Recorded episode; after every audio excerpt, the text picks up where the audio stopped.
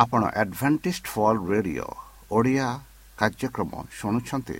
ଅଧିକ ସୂଚନା ପାଇବା ପାଇଁ ଆମ ସହ ସଂଯୋଗ କରନ୍ତୁ।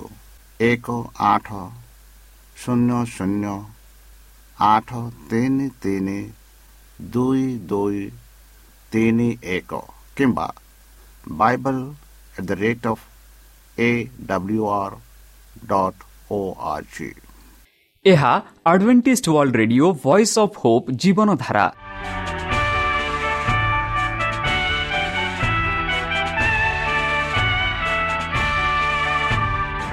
ଓଡ଼ିଆ ରେଡିଓ କାର୍ଯ୍ୟକ୍ରମ ଯାହା ଆମର ଆନ୍ତର୍ଜାତୀୟ ଆଘାତ କେନ୍ଦ୍ରରୁ ପ୍ରସାରଣ କରାଯାଉଛି ପ୍ରତିଦିନ ରାତି ନଅଟା ତିରିଶ ମିନିଟ୍ରେ। ମୁଁ ସୁବ୍ରତ କୁମାର ପତି ପ୍ରେମର ସହ ଆପଣମାନଙ୍କୁ ଏହି କାର୍ଯ୍ୟକ୍ରମକୁ ସ୍ୱାଗତ କରୁଅଛି। ଚାଲନ୍ତୁ ଆଜିର ତିରିଶ ମିନିଟ୍ର କାର୍ଯ୍ୟକ୍ରମ ବିଷୟରେ ଜାଣିନେବା। ପ୍ରଥମେ ରଖିଛୁ ଆଧ୍ୟାତ୍ମିକ ଭକ୍ତିମୟ ଗୀତ। ଏହାପରେ ଶୁଣିବା ସ୍ୱାସ୍ଥ୍ୟ ବିଷୟରେ ଯାହା ଆମର ଦୈନିକ ଜୀବନରେ ଅତ୍ୟନ୍ତ ଜରୁରୀ। ଆଉ ପରିଶେଷରେ ଶୁଣିବା ପରମେଶ୍ୱରଙ୍କ ଭକ୍ତଙ୍କଠାରୁ ଜୀବନଦାୟକ ଈଶ୍ୱରଙ୍କ ବାକ୍ୟ। ପ୍ରିୟ ଶ୍ରୋତା ତାହେଲେ ଚାଲନ୍ତୁ ଶୁଣିବା ଏକ ଆଧ୍ୟାତ୍ମିକ ଭକ୍ତିମୟ ଗୀତ। ଏହାପରେ ଶୁଣିବା ସ୍ୱାସ୍ଥ୍ୟ ସୂଚନା। నిన్ని సస్స సరి సస సగ సస నిన్ని సస్స సస మగ పమ గరి స నిన్ని సస్స సరి సస సగ సస నిన్ని సస్స సస మగ పమ గరి స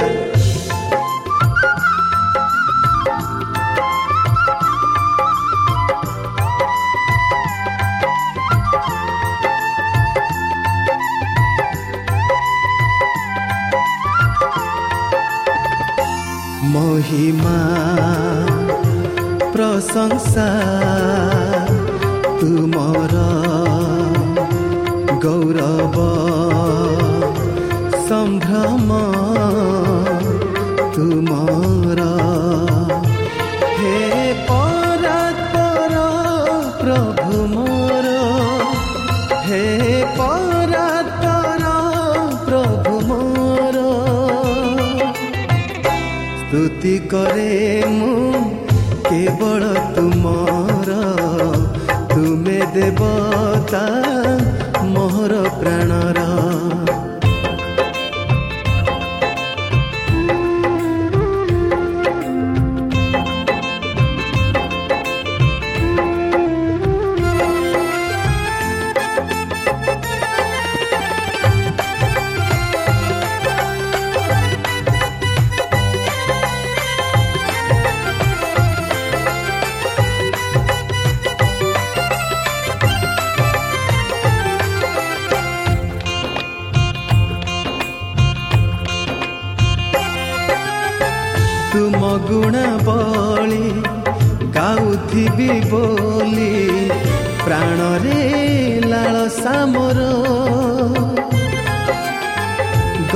ଗର୍ତ୍ତକୁ ଗଲେ ମୁଁ ସୁଝିକି ପାରିବି ତୁମରି ପ୍ରେମର ମୂଲ କଣ୍ଠରେ ଦିଅ ତୁମ ଗୀତି ସୁର କଣ୍ଠରେ ଦିଅ ତୁମ ଗୀତି ସୁର ସ୍ତୁତି କରିବି କେବଳ ତୁମର ତୁମେ ଦେବତା ମୋହର ପ୍ରାଣର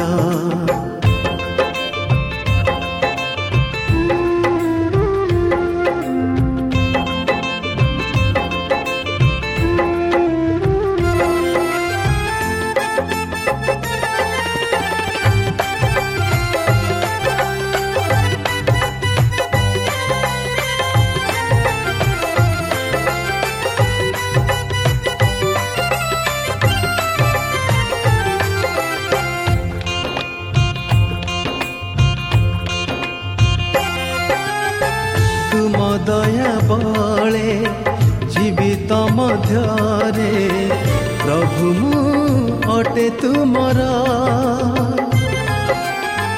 ତୁମ ରୂପ ଦେଇ ତୁମ ପରିବାରେ ରଖିଛ କରି ନିଜର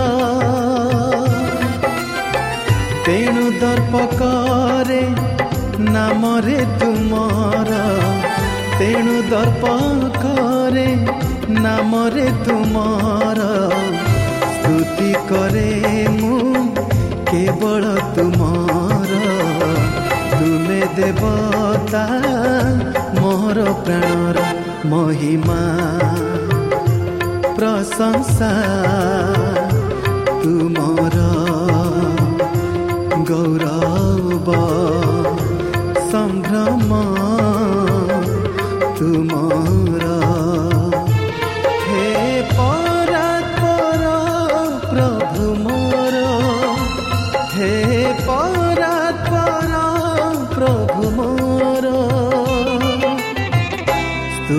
କରେ ମୁଁ କେବଳ ତୁମର। ତୁମେ ଦେବତା ମୋହର ପ୍ରାଣର ମହିମା। ପ୍ରଶଂସା ତୁମର।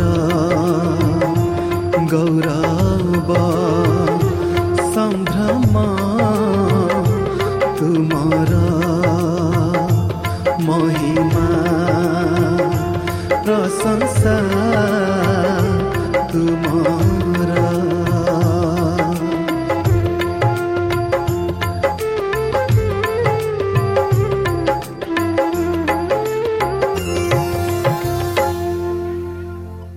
ଆପଣଙ୍କର ମତାମତ ଜଣାଇବା ପାଇଁ ଆମର ଏହି ଠିକଣାରେ ଯୋଗାଯୋଗ କରନ୍ତୁ।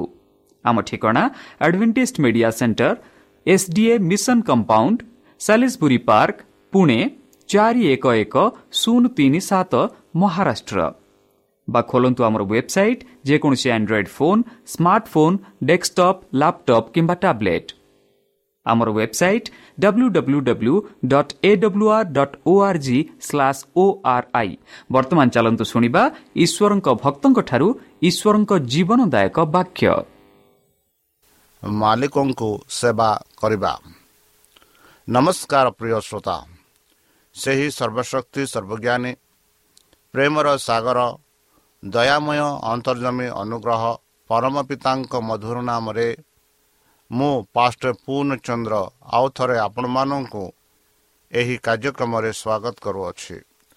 ସେହି ସର୍ବଶକ୍ତି ପରମେଶ୍ୱର ଆପଣମାନଙ୍କୁ ଆଶୀର୍ବାଦ କରନ୍ତୁ।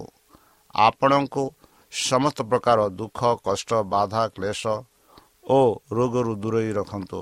ଶତ୍ରୁ ସୟତାନ ହସ୍ତରୁ ସେ ଆପଣଙ୍କୁ ସୁରକ୍ଷାରେ ରଖନ୍ତୁ ତାହାଙ୍କ ପ୍ରେମ ତାହାଙ୍କ ସ୍ନେହ ତାହାଙ୍କ କୃପା ତାହାଙ୍କ ଅନୁଗ୍ରହ ସଦାସର୍ବଦା ଆପଣଙ୍କଠାରେ ସହବର୍ତ୍ତୀ ରହ। ପ୍ରିୟ ଶ୍ରୋତା ଚାଲନ୍ତୁ। ଆଜି ଆମ୍ଭେମାନେ କିଛି ସମୟ ପବିତ୍ର ଶାସ୍ତ୍ର ବାଇବଲଠୁ ତାହାଙ୍କ ଜୀବନଦାୟକ ବାକ୍ୟ ଧ୍ୟାନ କରିବା। ଆଜିର ଆଲୋଚନା ହେଉଛି ମାଲିକଙ୍କୁ ସେବା କରିବା।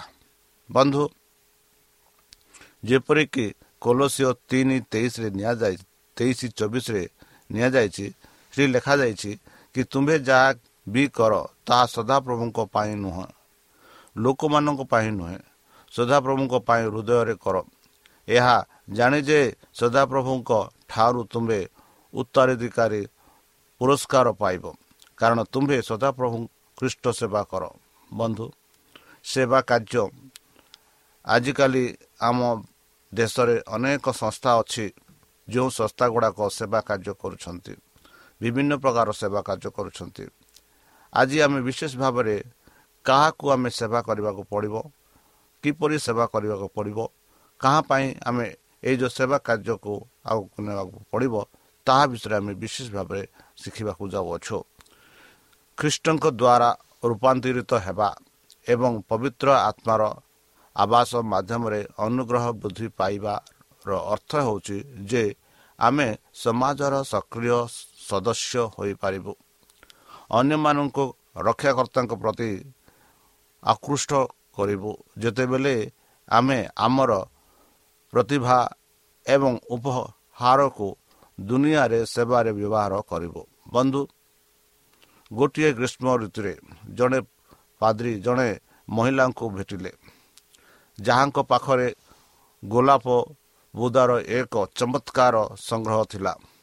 ଧଳା ଗୋଲାପ ଲାଲ ଗୋଲାପ ହଳଦିଆ ଗୋଲାପ ଗୋଲାପ ତୋଡ଼ିବା ଆଦି ଦେଖିବା ପାଇଁ ସେ ତାଙ୍କୁ ନିଜ ଅଗଣାକୁ ନେଇଗଲେ। ତାଙ୍କ ପାଖରେ ସବୁ ପ୍ରଜାତି ଥିଲା ଯାହା ବିଷୟରେ ସେ ଶୁଣିନଥିଲେ ଏବଂ ଅନେକ ପ୍ରଜାତି ବିଷୟରେ ସେ କେବେ ଶୁଣିନଥିଲେ। ମହିଳା ଜନକ ଡାହାଣ ଓ ବାମ ଗୋଲାପ ଫୁଲ ତୋଲିବା ଆରମ୍ଭ କଲେ। ଏପରି ଯେତେବେଳେ ଗୋଟିଏ ବୁଦା ଉପରେ କେବଳ ଗୋଟିଏ ଗୋଲାପ ଥିଲା ସେତେବେଳେ ମଧ୍ୟ ସେ ଏହାକୁ ଉଠାଇଥିଲେ। ପାଦ୍ରୀ କହିଲା ପ୍ରିୟ ମହିଳା ତୁମେ ନିଜକୁ ଲୁଟ୍ କରୁଛ। ତୁମେ ତୁମର ଗୋଲାପ ବୁଦାକୁ ନଷ୍ଟ କରୁଛ। ସେ କହିଲା ଆହା ଆପଣ ଜାଣନ୍ତି ନାହିଁ କି ଗୋଲାପ ଫୁଲକୁ ବିକଶିତ କରିବାର ଉପାୟ ହେଉଛି?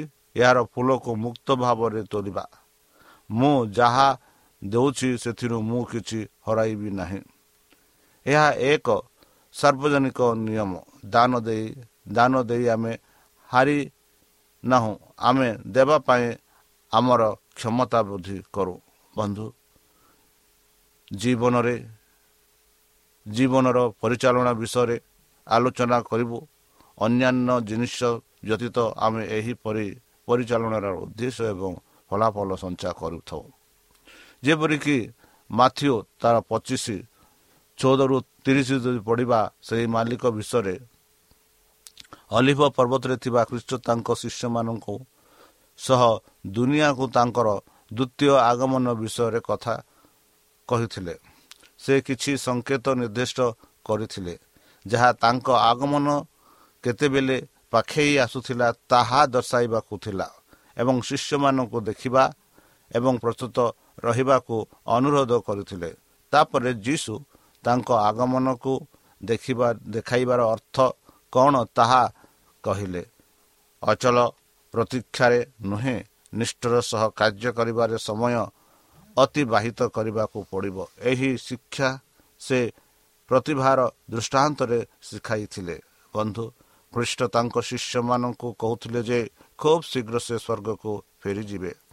କିନ୍ତୁ ଯେତେବେଳେ ସେମାନେ ତାଙ୍କ ଫେରିବା ପାଇଁ ଅପେକ୍ଷା କରିଥିଲେ ସେମାନେ ତାଙ୍କ ତରଫରୁ ସେମାନଙ୍କର କାର୍ଯ୍ୟ ଜାରି ରଖିବାର ଥିଲା। ଯଦି ଈଶ୍ୱର କେବଳ ଗୋଟିଏ ପ୍ରକାର ଫୁଲ ଗୋଟିଏ ପ୍ରଜାତିର ପ୍ରାଣୀ ଆଲୋକର ଉଚ୍ଚ ତିଆରି କରିଥାନ୍ତେ ତେବେ କ'ଣ ହୋଇଥାନ୍ତା ବନ୍ଧୁ? ଯଦି ଆମେ ସମସ୍ତେ ସମାନ ହୋଇଥାନ୍ତେ ତେବେ ଏହି ଦୁନିଆ କେତେ ଆକର୍ଷଣୀୟ କିମ୍ବା ବ୍ୟବହାରିକ ହୋଇଥାନ୍ତା ବନ୍ଧୁ? ଏହା ଧୈର୍ଯ୍ୟ ସୌନ୍ଦର୍ଯ୍ୟ ତଥା ଉପଯୋଗିତା ପାଇଁ ଈଶ୍ୱରଙ୍କ ବିବିଧାକୁ ଗୁରୁତ୍ୱ ଦିଅନ୍ତି। ଆମ ମଧ୍ୟରୁ କେତେକ ଆର୍କିଟେକ୍ଟ ଅଟନ୍ତି। ଚର୍ଚ୍ଚ ପାଇଁ କିପରି ଯୋଜନା ପ୍ରସ୍ତୁତ କରିବାକୁ ହେବ ତାହା ଆମେ ଜାଣୁ।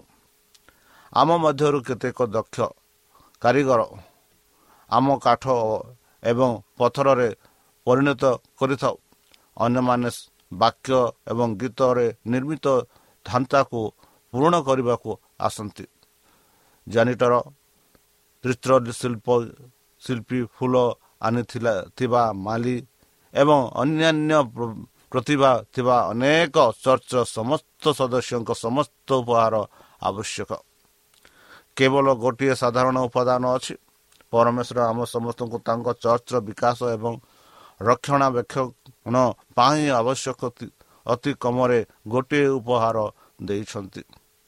ପ୍ରତିଭା ସହିତ ତାହାଙ୍କର ପ୍ରତ୍ୟେକ ସେବକ ଯାହା କଲେ ସେ ବିଷୟରେ ଗୁରୁଙ୍କ ପ୍ରତିକ୍ରିୟା ଆମକୁ ଆଶ୍ୱାସନା ଦିଏ ଯେ ଈଶ୍ୱର ପ୍ରକୃତରେ ନିରପେକ୍ଷ ଅଟନ୍ତି। ଯେତେବେଳେ ମାଲିକ ଫେରିଲେ ସେ ସେହି ବ୍ୟକ୍ତିଙ୍କୁ ନିନ୍ଦା କଲେ ନାହିଁ। ଯାହାଙ୍କ ପାଖରେ ମାତ୍ର ଦୁଇଟି ପ୍ରତିଭା ଥିଲା କାରଣ ତାଙ୍କ ପାଖରେ ପାଞ୍ଚଟିରୁ ଆରମ୍ଭ କରିଥିବା ସେବକଙ୍କ ତୁଳନାରେ କମ୍ ପ୍ରଭାତି ଥିଲା। ବରଂ ବିଶ୍ୱସ୍ତ ହୋଇଥିବାରୁ ସେ ଉଭୟଙ୍କୁ ଅଭିନନ୍ଦନ ଜଣାଇଅଛନ୍ତି ଏହା ମଧ୍ୟ ଧନ୍ୟ ଦିଅନ୍ତୁ ଯେ ସେ ପ୍ରତ୍ୟେକଙ୍କୁ ଯେଉଁ ପୁରସ୍କାର ଦେଇଥିଲେ ତାହା ସମାନ ଥିଲା। ପଢ଼ନ୍ତୁ ମାଥ୍ୟୁ ପଚିଶ ଏକୋଇଶ ଟୁ ତେଇଶ ପର୍ଯ୍ୟନ୍ତ। ସେହିଭଳି ପରମେଶ୍ୱର ମାନଙ୍କୁ କେବଳ ଆମେ କ'ଣ କରିପାରିବା ତାହାର ଆଲୋକର ଦେଖନ୍ତି ନାହିଁ ବରଂ ସେବକଙ୍କ ସେବକ ମାନଙ୍କ କାର୍ଯ୍ୟ କରୁଛୁ କି ନାହିଁ ତାହା ଦେଖନ୍ତି। ବନ୍ଧୁ ଗତ ପ୍ରତିଭାର ଦୃଷ୍ଟାନ୍ତ ଅଧ୍ୟୟନରେ ଆମେ ଗୁରୁଙ୍କ ଉପରେ ଧ୍ୟାନ ଦେଇଥିଲୁ। ଆଜି ଆମେ ତିନି ଜଣ ସେବକଙ୍କ ଉପରେ ନିଜର ନଜର ପକାଇବ। ଯୀଶୁଙ୍କ ସହିତ ଆମର ସମ୍ପର୍କ ହେଉଛି ଆମର ଖ୍ରୀଷ୍ଟିଆନ ସେବାର ସାର।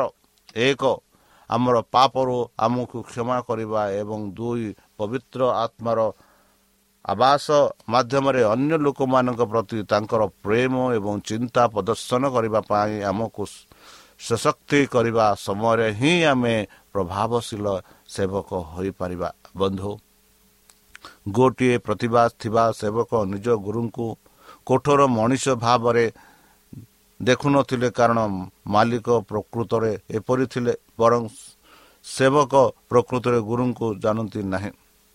ସେବକ ଭଲ ସେବା କରିବାର ଇଚ୍ଛା କିମ୍ବା ନିଜ ମାଲିକକୁ ଖୁସି ରଖିବାର ଇଚ୍ଛା ଦ୍ୱାରା ପ୍ରେରିତ ହୋଇନଥିଲେ ବରଂ ବିଫଳତାର ଭୟ ଦ୍ୱାରା ପ୍ରେରିତ ହୋଇଥିଲେ। ବନ୍ଧୁ ଏଭଳି ଭୟ ଆମକୁ ଆମର ଶ୍ରେଷ୍ଠ ପ୍ରଦର୍ଶନ କରିବାକୁ ବଞ୍ଚିତ କରିଥାଏ। ବାସ୍ତବରେ ଉଦାହରଣରୁ ଆମେ ଶିଖିବା ପରେ ଏହା ଆମକୁ ଚେଷ୍ଟା କରିବାକୁ ମଧ୍ୟ ବାଧା ଦେଇଥାଏ।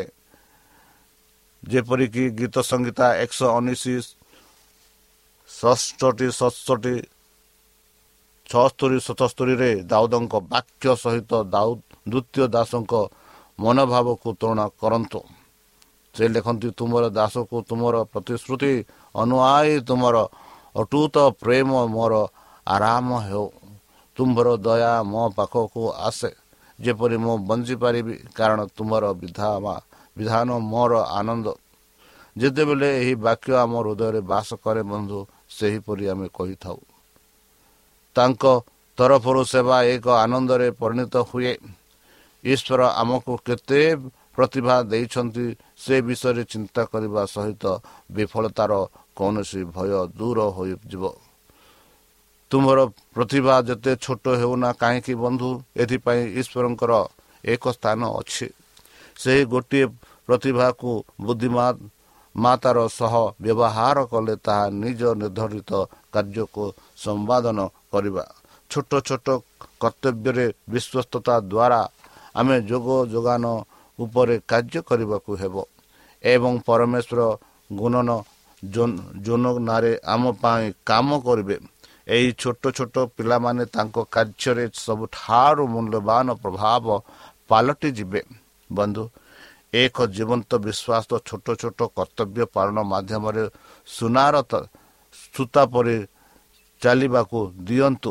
ତାପରେ ସମସ୍ତ ଦୈନନ୍ଦିନ କାର୍ଯ୍ୟ ଖ୍ରୀଷ୍ଟିଆନ ବିକାଶକୁ ପ୍ରୋତ୍ସାହିତ କରିବା ବନ୍ଧୁ ମାଲିକ ସେବକ ପ୍ରତିଭା ଖ୍ରୀଷ୍ଟ ନିଜ ଏବଂ ପରମେଶ୍ୱର ଆମ ସମସ୍ତଙ୍କ ଦେଇଥିବା ଦକ୍ଷତା ଯାହାକୁ ଆମେ ତାଙ୍କ ସେବାରେ ବ୍ୟବହାର କରିବାକୁ ଚାହୁଁଛୁ। ଚଳିତ ସପ୍ତାହରେ ଏପର୍ଯ୍ୟନ୍ତ ଆମେ ପ୍ରତିଭାର ଚରିତ୍ର ଉପରେ ଧ୍ୟାନ ଦେଇଛୁ ବନ୍ଧୁ। ଆଜି ଆମେ ନିଜେ ପ୍ରତିଭା ବିଷୟରେ ଆଲୋଚନା କରିବୁ। ପ୍ରତିଭା ବାକ୍ୟଟି ପ୍ରଥମେ ଓଜନର ଏକ ୟୁନିଟରକୁ ବୁଝାଏ ତାପରେ ମୁଦ୍ରାର ଏକ ୟୁନିଟକୁ ବୁଝାଏ। ଦକ୍ଷତା କିମ୍ବା ଉପହାର ସୂଚିତ କରିବା ପାଇଁ ଏହି ବାକ୍ୟର ଆଧୁନିକ ବ୍ୟବହାର ଦୃଷ୍ଟାନ୍ତରୁ ଉତ୍ପନ୍ନ ହୋଇଅଛି। ପ୍ରଭାବ ଏକ ଦାୟିତ୍ୱ ଯେଉଁଥିରେ ଆମେ ନିଜକୁ ମୁକ୍ତ କରିପାରିବା ନାହିଁ। ଆମର କଥା ଆମର କାର୍ଯ୍ୟ ଆମର ପୋଷଣ ପୋଷାକ ଆମର ଦେଶାନ୍ତର ଏପରି ମୁହଁର ଅଭିବ୍ୟକ୍ତି ମଧ୍ୟ ପ୍ରଭାବ ପକାଇଥାଏ। ଏପରି ଭାବନା ଉପରେ ଭଲ କିମ୍ବା ମନ୍ଦ ପାଇଁ ଫଳାଫଳ ବୁଝୁଛି ଯାହାକୁ କେହି ମାପିପାରିବେ ନାହିଁ। ବନ୍ଧୁ ଆମେ ଲୋକମାନଙ୍କ ବିଷୟରେ ପଢ଼ିଥିଲୁ ଯେ ଲୋକମାନେ ଅନନ୍ତକୁ ସାମୟିକ ଭବିଷ୍ୟତର ଦାବିକୁ ବର୍ତ୍ତମାନର ବେପାରରେ ଅଧୀନରେ ରଖନ୍ତି। ଲୋକମାନେ ବାସ୍ତବତା ପାଇଁ ଭୂତକୁ ଭୁଲ ବୁଝନ୍ତି ଏବଂ ବାସ୍ତବକୁ ଭୂତମାନଙ୍କ ପାଇଁ ଭୁଲ ଭାବନାରେ ଗ୍ରହଣ କରନ୍ତି ଏହି ଜୀବନର ଜିନିଷ ଗୁଡ଼ିକ ସର୍ବ ଆକର୍ଷଣୀୟ ଏବଂ ସର୍ବ ଶୋଷକ ଭାବରେ ଦେଖୁଥିବା ବେଳେ ଅଦୃଶ୍ୟ ଦୁନିଆକୁ ବିଶ୍ୱାସ ଦ୍ୱାରା ଦେଖିବାକୁ ମନା କରିଦେଉଛି। ବନ୍ଧୁ ଆପଣ ଜାଣନ୍ତି କି ଏଭଳି ଲୋକଙ୍କୁ? ପରବର୍ତ୍ତୀ ଉଦାହରଣ ବିଷୟରେ ଆମେ ଆଲୋଚନା କରିବୁ ଯେ ଖ୍ରୀଷ୍ଟଙ୍କ ତରଫରୁ ଏଭଳି ଲୋକମାନଙ୍କର ମନୋଭାବ କିପରି ସେମାନଙ୍କ ଜୀବନର ପରିଚାଳନାକୁ ପ୍ରଭାବିତ କରେ? ଆମେ ଜଣେ ଅସାଧୁ ମ୍ୟାନେଜରଙ୍କୁ ଭେଟିବୁ ଯିଏକି ତାଙ୍କ ପଦବୀର ଅପବ୍ୟବହାର କରୁଥିଲେ ଏବଂ ତାଙ୍କ ନିଯୁକ୍ତିଦାତାଙ୍କୁ ଠକିଥିଲେ ଏବଂ ଆଶା କରୁଛୁ ଯେ ତାଙ୍କୁ ଆଚରଣରୁ ଏକ ଆମର ରକ୍ଷାକର୍ତ୍ତାଙ୍କ ନିକଟତରେ ବା ଜିନିଷ ଜିନିଷ ଉପରେ ଧ୍ୟାନ ଦେବାର ସାହାଯ୍ୟ କରିବ। ଯୀଶୁ ଏହି ଦୁଶାନ୍ତ ସିଧାସଖଲ ଶିଷ୍ୟମାନଙ୍କୁ ଉପସ୍ଥାପନା କରିଥିଲେ। ଏହା ତାଙ୍କର ପୃଥିବୀ ସେବା ଶେଷ ହେବାର କିଛି ମାସ ପୂର୍ବରୁ ଥିଲା। ଯେହେତୁ ଶିଷ୍ୟମାନଙ୍କ ଉପରେ ତାଙ୍କର ଶେଷ ଦିନର ଘଟଣାର ଦଖଲ ଚାଲିଥିଲା ସେମାନେ ମନେ ରଖିବା ଆବଶ୍ୟକ ଯେ ତାଙ୍କ ପ୍ରତି ସେମାନଙ୍କ ଭକ୍ତି ଏକକ ମନର ହେବା ଉଚିତ। ଯୀଶୁ ସେତେବେଳେ ତେର ସପ୍ତାହର ଏହି ଶବ୍ଦ ଗୁଡ଼ିକ କହୁଥିଲେ। ବୋଧ ହୁଏ ତାଙ୍କ ମନରେ ସେହି ଶିଷ୍ୟ ମଧ୍ୟ ଥିଲେ ଯିଏ କି ତିରିଶ ଖଣ୍ଡ ରୂପା ପାଇଁ କର୍ତ୍ତୃପକ୍ଷଙ୍କୁ ବିଶ୍ୱାସଘାତତା କରିବେ। ଜଣେ ଦାସର ମୂଲ୍ୟ ଏହା ସ୍ପଷ୍ଟ ଯେ ଯୀଶୁ ଧନୀ ବ୍ୟକ୍ତିଙ୍କ ପ୍ରଶଂସାରେ ଶିଷ୍ୟମାନଙ୍କୁ ଏବଂ ଶ୍ରୋତାମାନଙ୍କୁ ଶିକ୍ଷା ଦେବାରେ କିଛି ଉପଯୋଗୀ ଜିନିଷ ପାଇଥିଲେ। ଯେଉଁ ଚତୁର୍ଥତାର ସହ ଏହି ଷଡ଼ଯନ୍ତ୍ରକାରୀ ଦୁଷ୍କର୍ମୀ ତାଙ୍କ ଦୁଷ୍ଟକର୍ମର କ୍ୟାରିୟରଙ୍କୁ ଚରମ ସୀମାରେ ପହଞ୍ଚାଇଥିଲା। ତାହା ଏତେ ଆଶ୍ଚର୍ଯ୍ୟଜନକ ଥିଲା ଯେ ସେ ଯେ ଅଧିକ ମହାନ ଉଦ୍ଦେଶ୍ୟ ପାଇଁ ଯୋଗ୍ୟତାର ଯୋଜନାକୁ ଯେତିକି ନିଷ୍ଠାର ସହ ସମ୍ପାଦନ କରିଥିଲେ ଧନୀ ବ୍ୟକ୍ତି ଜନକ ତାଙ୍କ ପରିଚାଳନାଙ୍କ ତିତ୍ମକ ଏବଂ ପରିଶ୍ରମକୁ ପ୍ରଶଂସା କରି ପାରିନଥିଲେ। ବନ୍ଧୁ ଗତକାଲି ଆମେ ଅବିଶ୍ୱାସୀ ମ୍ୟାନେଜରଙ୍କ ଦୃଷ୍ଟାନ୍ତ ବିଷୟରେ ଆଲୋଚନା ଆରମ୍ଭ କଲୁ। ଯାହାକି ନିମ୍ନଲିଖିତରେ ଏହି ଦୃଷ୍ଟାନ୍ତ ପୋଡ଼ାଉଥିବା ଚାରୋଟି ଶିକ୍ଷା ତାଲିକା ଯାହା ଆମେ ଦେଖୁ। ବନ୍ଧୁ ସ୍ୱର୍ଗରେ ପିତାଙ୍କ ସ୍ୱାର୍ଥକୁ ଆଗେଇ ନେବା ପାଇଁ ଆମକୁ ଦିଆଯାଇଥିବା ଭୌତିକ ଜିନିଷ ଗୁଡ଼ିକ ଆମେ ଆମ ସାଥୀମାନଙ୍କର ଆବଶ୍ୟକତା ଅନୁଯାୟୀ ପ୍ରୟୋଗ କରି ବ୍ୟବହାର କରିବା ଉଚିତ। ବନ୍ଧୁ ଛୋଟ ଛୋଟ କଥାରେ ବିଶ୍ୱସ୍ତତା ଲୋକ ସହର ଦେଶ ସେମାନଙ୍କର ଶ୍ରେଷ୍ଠ ବୈଶିଷ୍ଟ୍ୟ ସେମାନଙ୍କର ବହୁତତ୍ମ କୋଠ ସେମାନଙ୍କର ବିନାଶର ସବୁଠାରୁ ଶକ୍ତିଶାଳୀ ଅସ୍ତ୍ର ଇତ୍ୟାଦି ବିଷୟରେ ଗର୍ବ କରିବାକୁ ଉପଭୋଗ କରନ୍ତି। କିନ୍ତୁ ପ୍ରକୃତରେ ମହାନତା କ'ଣ ତାହା ଏହି ଦୃଷ୍ଟାନ୍ତ ଆମକୁ କହିଥାଏ। ଏହା ସାଧାରଣ ଆକାରରେ ନୁହେଁ ବରଂ ଏହାର ଆବଶ୍ୟକତାର ତୀବ୍ରତା ଲଣ୍ଡନ ନିଜେ ଏକ ଛୋଟ ଘଟଣା। କିନ୍ତୁ ଯେତେବେଳେ ଏହା କୌଣସି ହଜିଯାଇଥିବା ଜାହାଜ ପାଇଁ ଏକ ବନ୍ଦର ଚିହ୍ନଟ କରିବା ପାଇଁ ଚମତ୍କି ଥାଏ ସେତେବେଳେ ନୁହେଁ। ଏକ କପ୍ ଥଣ୍ଡା ପାଣି ପ୍ରାୟ କ୍ଷୁଦ୍ର କିନ୍ତୁ ମରୁଭୂମିରେ ଶୋଷରେ ମରୁଥିବା ବ୍ୟକ୍ତିଙ୍କ ପାଇଁ ନୁହେଁ। ମହାନତା କ'ଣ ସୃଷ୍ଟି କରେ ବନ୍ଧୁ? ମନୁଷ୍ୟର ଶରୀର କିମ୍ବା ତାର ମନର ମାପ ନୁହେଁ ବରଂ ଯୀଶୁଙ୍କ ସହିତ ଦୁର୍ଗୁଣିତ ଯୋଡ଼ି ହୋଇ କାମ କରିବାର ଇଚ୍ଛା ହେଉଛି। ବନ୍ଧୁ ବାଇବଲରେ ନିମ୍ନଲିଖିତ ଲୋକମାନଙ୍କ ବିଷୟରେ ଚିନ୍ତା କରନ୍ତୁ। ଈଶ୍ୱରଙ୍କ ଠାରୁ ସମସ୍ତେ କ'ଣ ଉପହାର କିମ୍ବା ପ୍ରତିଭା ପାଇଥିଲେ? ସେହି ଉପହାର କିମ୍ବା ପ୍ରତିଭା ବ୍ୟବହାର କିମ୍ବା ଅପବ୍ୟବହାର ପରିଣାମ କ'ଣ ଥିଲା? ଏହି ଫଳାଫଳ ଆମକୁ ପରିଚାଳନା ଏବଂ ଖ୍ରୀଷ୍ଟିଆନ ଜୀବନ ଅଭିବୃଷ୍ଟି ବିଷୟରେ କ'ଣ ଶିଖାଏ ତାହା ଟିକିଏ ଦେଖନ୍ତୁ। ବନ୍ଧୁ ଆମେ ସମସ୍ତେ ଏହି ପୃଥିବୀରେ ବାସ କରୁଛୁ। ଆମେ କାହାକୁ ବି କାହାକୁ ସେବା କରୁଛୁ।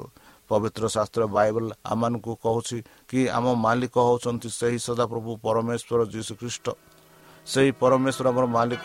ଆଉ ତାଙ୍କରି ସେବା ହିଁ କରିବା। ଯେବେ ଆମେ ଏହି ପୃଥିବୀରେ ବାସ କରୁଛେ ଯେତେ ଲୋକ ଏହି ପୃଥିବୀରେ ବାସ କରୁଛନ୍ତି ସେମାନଙ୍କୁ ସେବା କରିବା। ସେମାନଙ୍କୁ ସେବା କରିବା ଦ୍ୱାରା ଆମେ ପରମେଶ୍ୱରଙ୍କ ସେବା କରୁଛୁ। ତାହେଲେ ଚାଲନ୍ତୁ ବନ୍ଧୁ।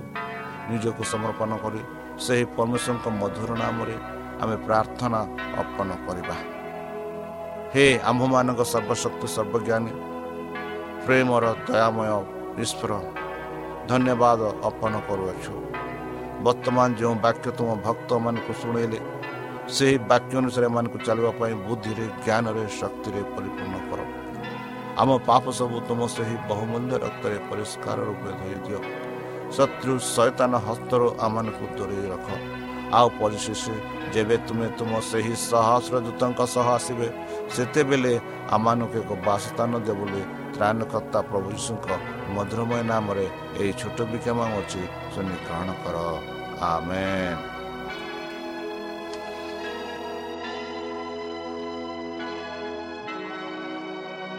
প্রিয় শ্রোতা আমি আশা করুছু যে আমার কার্যক্রম আপনার পসন্দ লাগুব আপনার মতামত জনাইবা আমার এই ঠিকার যোগাযোগ করতু ଆମ ଠିକଣା advantage media centre SDA mission compound Salisbury park Pune ଚାରି ଏକ ଏକ ଶୂନ ତିନି ସାତ ମହାରାଷ୍ଟ୍ର ବା ଖୋଲନ୍ତୁ ଆମର ୱେବସାଇଟ୍ ଯେକୌଣସି android phone smartphone desktop laptop କିମ୍ବା ଟ୍ୟାବ୍ଲେଟ୍ ଆମର website W W W dot A W R dot O R G slash O R I ଏବଂ W W W dot Adventist Media Centre India dot O R G Adventist Media Centre ଇଣ୍ଡିଆର spelling ଶ୍ରୋତା ଆମେ ଆଶା କରୁଛୁ ଯେ ଆମର କାର୍ଯ୍ୟକ୍ରମ ଆପଣମାନଙ୍କୁ ପସନ୍ଦ ଲାଗୁଥିବ। ଆପଣଙ୍କର ମତାମତ ଜଣାଇବା ପାଇଁ ଆମର ଏହି ଠିକଣାରେ ଯୋଗାଯୋଗ କରନ୍ତୁ। ଆମ ଠିକଣା Adventist Media Centre SDA mission compound Salisbury Park Pune ଚାରି ଏକ ଏକ ଶୂନ ତିନି ସାତ ମହାରାଷ୍ଟ୍ର ବା ଖୋଲନ୍ତୁ ଆମର ୱେବସାଇଟ୍ ଯେକୌଣସି Android phone smartphone desktop laptop କିମ୍ବା ଟ୍ୟାବ୍ଲେଟ୍ ଆମର website W W W dot A W R dot O R G slash O R I ଏବଂ W W W dot Adventist Media Centre India dot O R G Adventist Media Centre ଇଣ୍ଡିଆର spelling ହେଉଛି A D V N T I S T M E D I A C N T R E I N D I A ଅଥବା download କରନ୍ତୁ ଆମର mobile app ଆପଣଙ୍କର mobile play ଷ୍ଟୋରକୁ ଯାଆନ୍ତୁ ଆଉ type କରନ୍ତୁ ଦ ଭଏସ୍ ଅଫ୍ ହୋପ୍ ଆଉ download କରନ୍ତୁ। ଈଶ୍ୱର ଆପଣଙ୍କୁ ଆଶୀର୍ବାଦ କରନ୍ତୁ। ଧନ୍ୟବାଦ।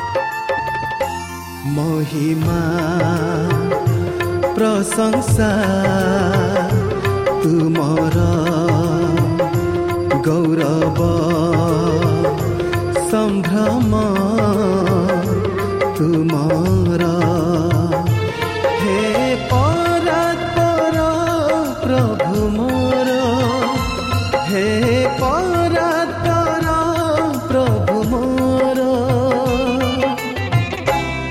ସ୍ତୁତି କରେ ମୁଁ।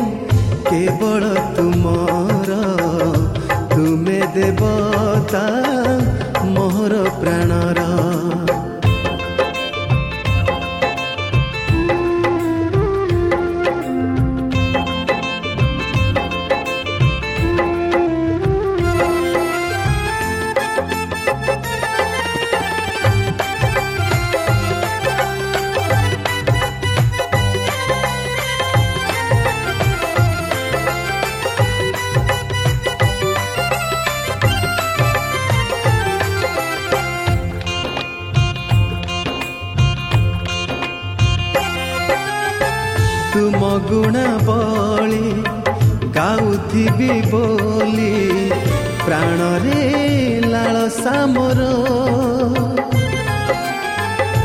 ଗର୍ତ୍ତକୁ ଗଲେ ମୁଁ ସୁଝିକି ପାରିବି ତୁମରି ପ୍ରେମର ମୂଲ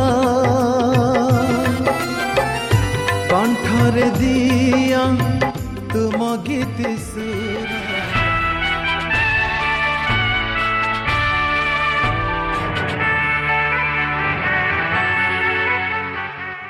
ଆପଣ ଆଡଭେଣ୍ଟିସ୍ଡ ଫଲ୍ ରେଡିଓ ଓଡ଼ିଆ କାର୍ଯ୍ୟକ୍ରମ ଶୁଣୁଛନ୍ତି।